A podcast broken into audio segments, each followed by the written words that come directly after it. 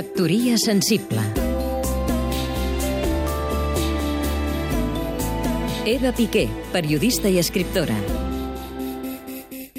Semblava que els discos de vinil havien passat a millor vida i ara fa l'efecte que desapareixeran abans els CDs. No sacralitzo els formats, però aquesta resurrecció del vinil té un no sé què de justícia poètica. Amb els llibres de paper ha passat una cosa similar. No és que hagin ressuscitat, sinó que no s'ha fet realitat aquella crònica d'una mort anunciada. Fa uns anys tothom pronosticava que el futur seria digital, i ara s'ha girat la truita. Els llibres digitals no acaben d'arrencar i els llibres de paper no acaben de morir. És més, neixen noves editorials que aposten només pel paper. L'agent literari més conegut del món, Andrew Wiley, ha fet tot de declaracions polèmiques des de la Fira Internacional del Llibre de Buenos Aires. Ha afirmat, per exemple, que els llibres electrònics provoquen càncer o que els lectors d'e-books no tenen criteri i llegeixen escombraries. Aquestes afirmacions s'han de posar en quarantena, per descomptat.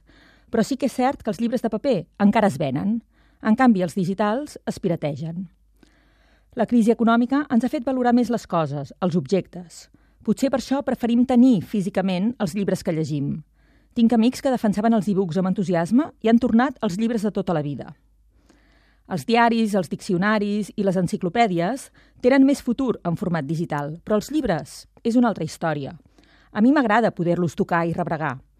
A part que, caram, aquí també hi ha un punt de justícia poètica. Un llibre de paper és, sens dubte, un gran invent. Factoria sensible Seguim-nos també a catradio.cat